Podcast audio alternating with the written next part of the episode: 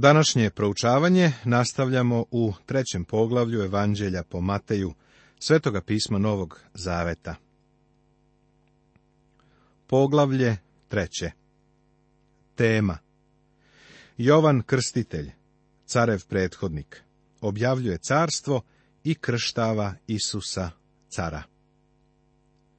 Služba Jovana Krstitelja U one dane Pojavi se Jovan Krstitelj i propovedaše u pustinji judejskoj govoreći, pokajte se, jer se približilo carstvo nebesko. Sada, sasvim iznenada, Jovan Krstitelj stupa na stranice pisma. Da smo imali samo Matajevo evanđelje, pitali bismo, odakle je došao i kakvo je njegovo poreklo. Jer nam evanđelista Matej ništa o tome ne govori a razlog je očit. Prorok Malahija je rekao da će glasnik doći u napred, da pripremi put za budućeg cara. Eto, ja ću poslati anđela svojega koji će pripraviti put predamnom. Zapisano je u knjizi proroka Malahije, u trećem poglavlju u prvom stihu, Svetoga pisma Starog Zaveta. Ovaj anđeo ili glasnik bio je Jovan Krstitelj. O poreklu glasnika i ne moraš da znaš.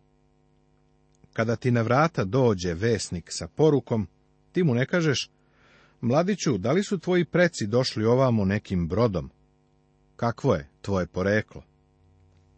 Tebe zanima poruka, jer poruka je ono što je bitno i ti nju želiš. Tako, ti mu zahvališ, daš mu napojnicu, otpustiš ga, s njim si završio. Jovan Krstitelj je vrlo jasno pokazao da je on samo glasnik, pa i Matej to jasno govori. Tako on stupa na stranice Svetoga pisma, propovedajući u judejskoj pustinji i govoreći, pokajte se, jer se približilo carstvo nebesko. Da se pozabavimo ovim izrazima. Pokajte se, carstvo nebesko, približilo se. Ovo su vrlo važne izjave. Pokajati se jeste izraz koji se uvek upućivao Božijem narodu kao izazov da se okrenu natrag. Pokajati u originalnom grčkom jeziku je metanoja, što znači promjena uma. Ideš u jednom pravcu, onda se okreneš i kreneš u drugom. Mislim da je pokajanje prvenstveno za spasene ljude, odnosno za Boži narod u svakom životnom dobu. To su oni koji kada postanu hladni i ravnodušni, treba da se okrenu. To je bila poruka upućena sedam crkava u Maloj Aziji u knjizi Otkrivenja u drugom i trećem poglavlju Svetoga pisma Novog Zaveta. I to je bila poruka samog gospoda Isusa. Neko bi mogao pitati, zar se od nespasene osobe ne očekuje pokajanje? Nespasenoj osobi se kaže da treba da poveruje u gospoda Isusa Hrista. To je bila Pavlova poruka upućena tamničaru u Filipima, što je zapisano u delima apostolskim u 16. poglavlju u 31. stihu Svetoga pisma Novog Zaveta. Taj stari lupež je morao prvo da se pokaje, ali kada nespasena osoba poveri u Hrista, ona se onda kaje. Vera znači okrenuti se ka Hristu, a kada se okreneš ili obratiš Hristu, moraš se okrenuti od još nečega.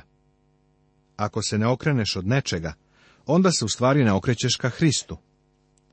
Tako, pokajanje jeste deo verovanja, ali prvenstvena poruka koju treba uputiti današnjem izgubljenom svetu jeste da treba da poveruju u gospoda Isusa Hrista.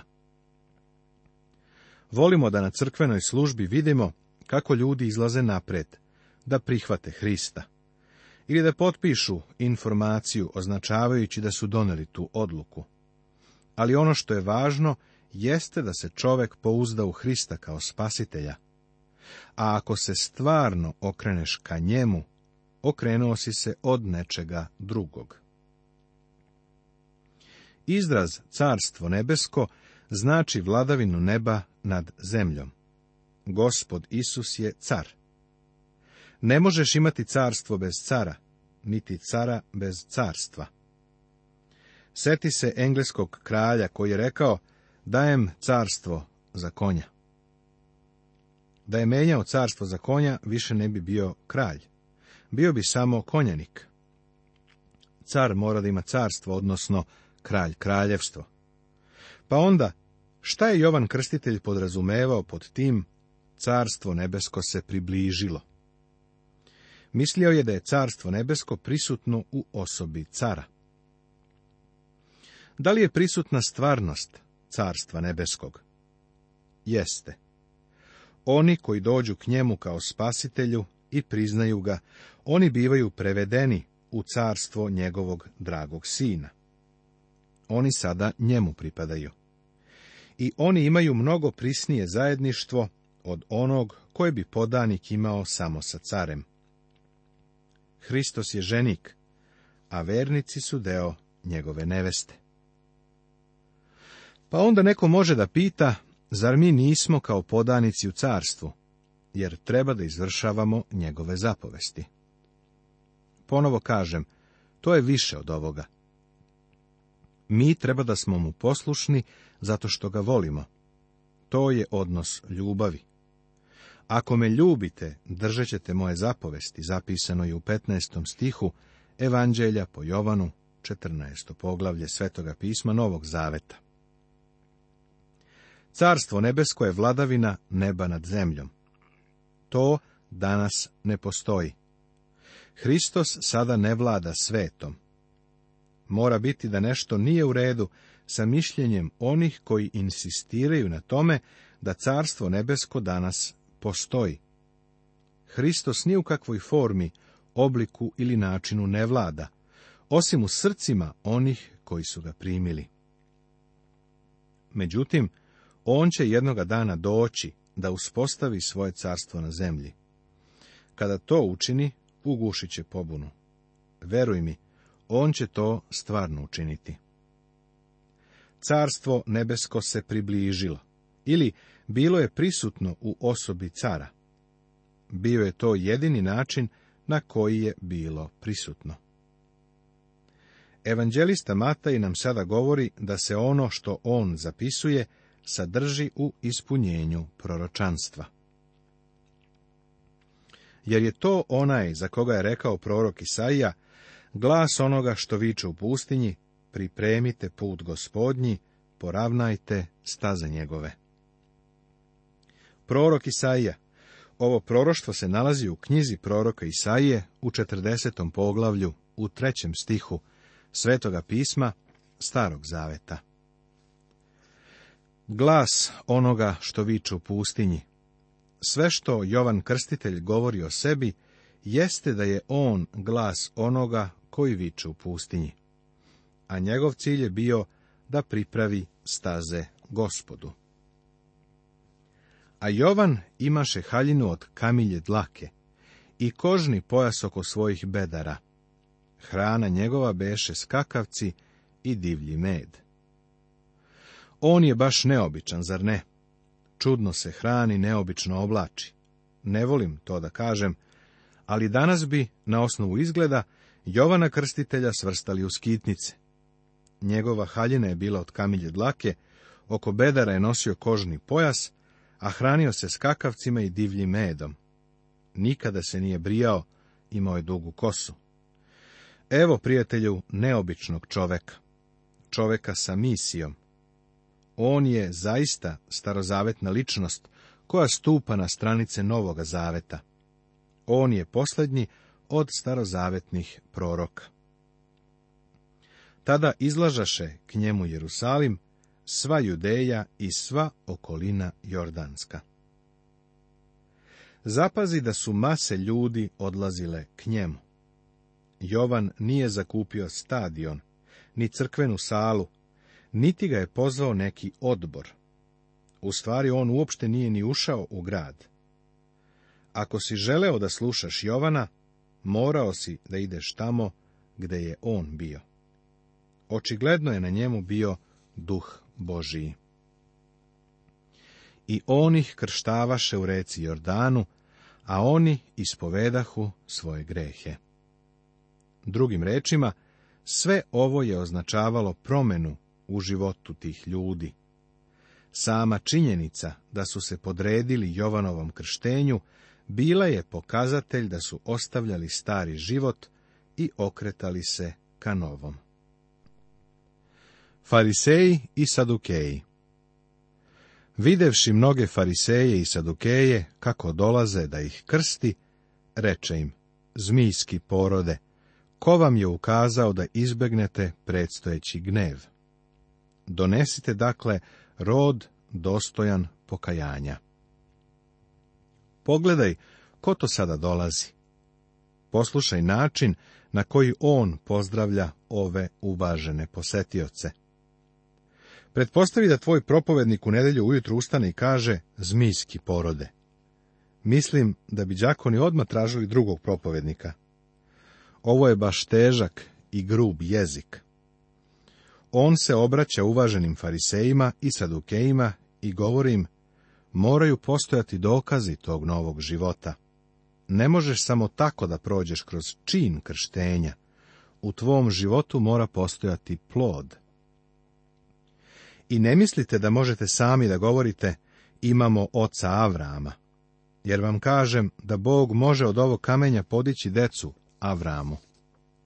Prijatelju, on ovde daje jednu snažnu izjavu. Sada razumeš zašto nije bio izabran za najpopularnijeg čoveka godine u Judeji. Već sekira leži kod korena drveća. Stoga se odseca i baca u vatru svako drvo koje ne donosi dobra roda. O donošenju ploda se u Novom Zavetu mnogo govori. Donošenje ploda je posljedica posjedovanja prave vrste drveta jedino plodno drvo može da donese plod.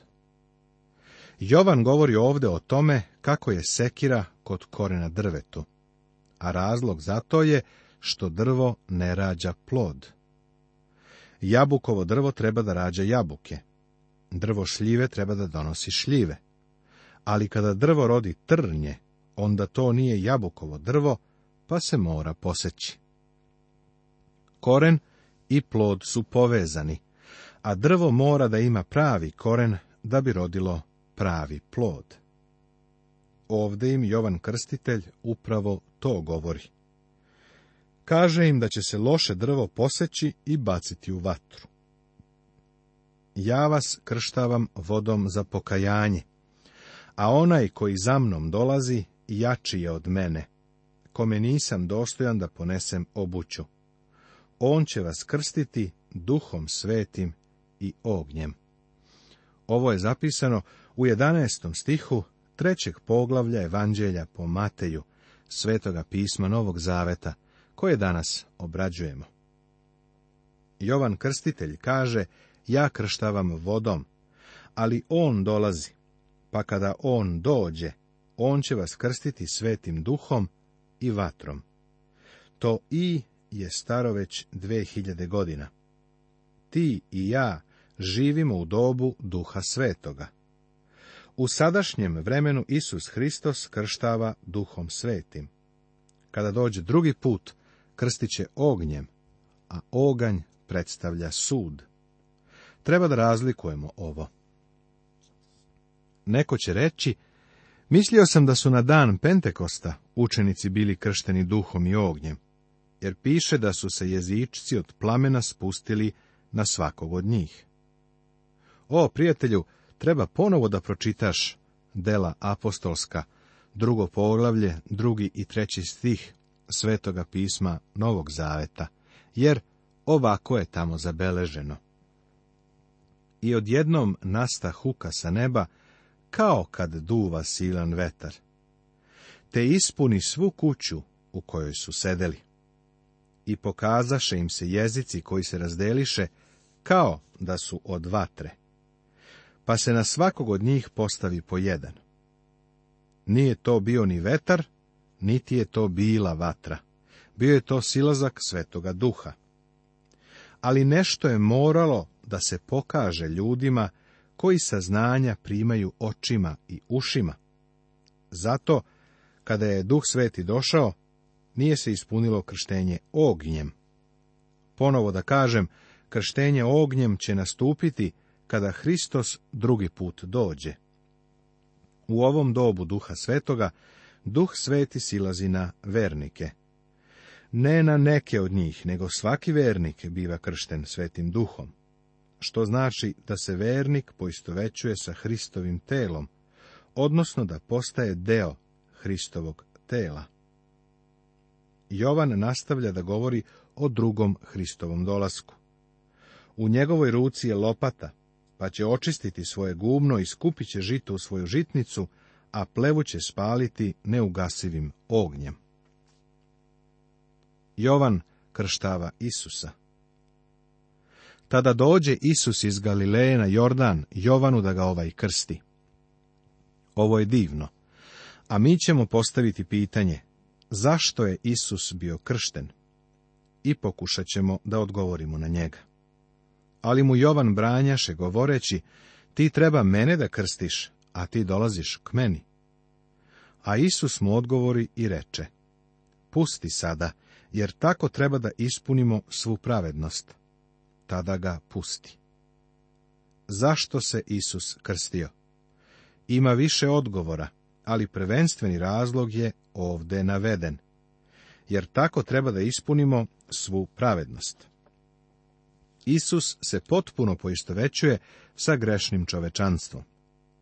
Isaija je prorokovao da će biti metnut među zločince ili da će biti ubrojan među prestupnike. Evo cara koji se poistovećuje sa svojim podanicima. Krštenje u stvari predstavlja poistovećivanje, a verujem da je poistovećivanje bilo prvenstveni cilj za krštenje gospoda Isusa. Ponovo da kažem, razlog zašto je Isus bio kršten nije to da nam da primjer. Nije to bio model koji treba da sledimo. Hristos je bio svet. Nije bilo potrebe da se on kaje. Tebi i meni pokajanje jeste potrebno. On je bio svet, nedužan, neukaljan i odvojen od grešnika.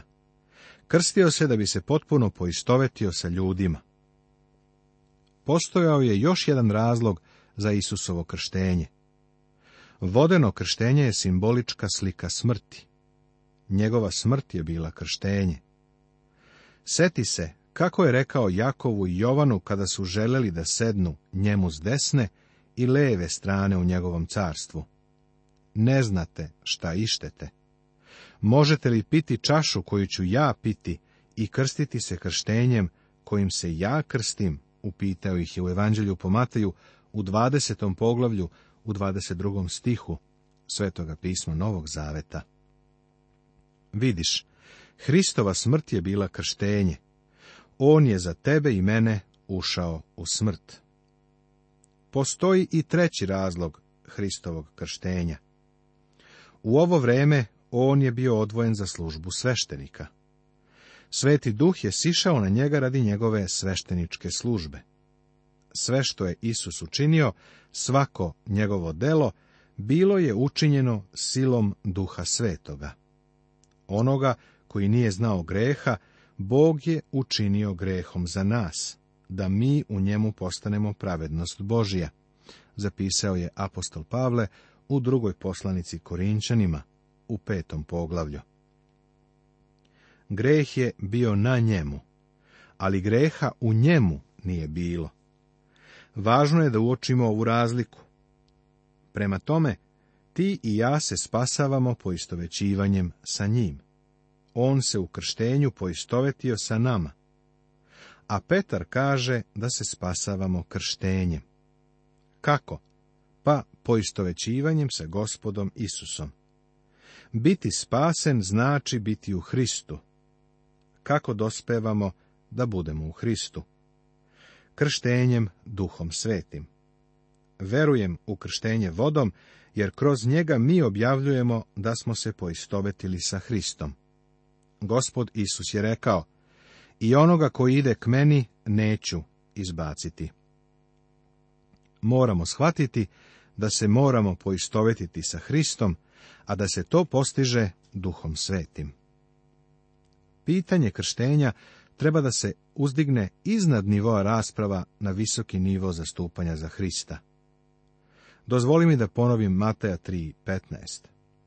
A Isus mu odgovori reče, pusti sada, jer tako treba da ispunimo svu pravednost. Tada ga pusti. A to znači da ga je Jovan krstio. A kada je Isus kršten, izađe odmah iz vode. I gle, otvoriše mu se nebesa i vide duha Božijega gde silazi kao golub i ide na njega. I gle, glas sa nebesa govoraše, ovo je sin moj ljubljeni, koji je po mojoj volji. Ovde imamo manifestaciju Svete Trojice. Kada je gospod Isus izlazio iz vode, duh Boži se spustio na njega kao golub, a otac je progovorio sa neba. Otac kaže, ovo je sin moj ljubljeni, koji je po mojoj volji. Gospod Isus se sada poistovećuje sa njegovim narodom. Kakav car! O, kakav je on car! Nastavit će se.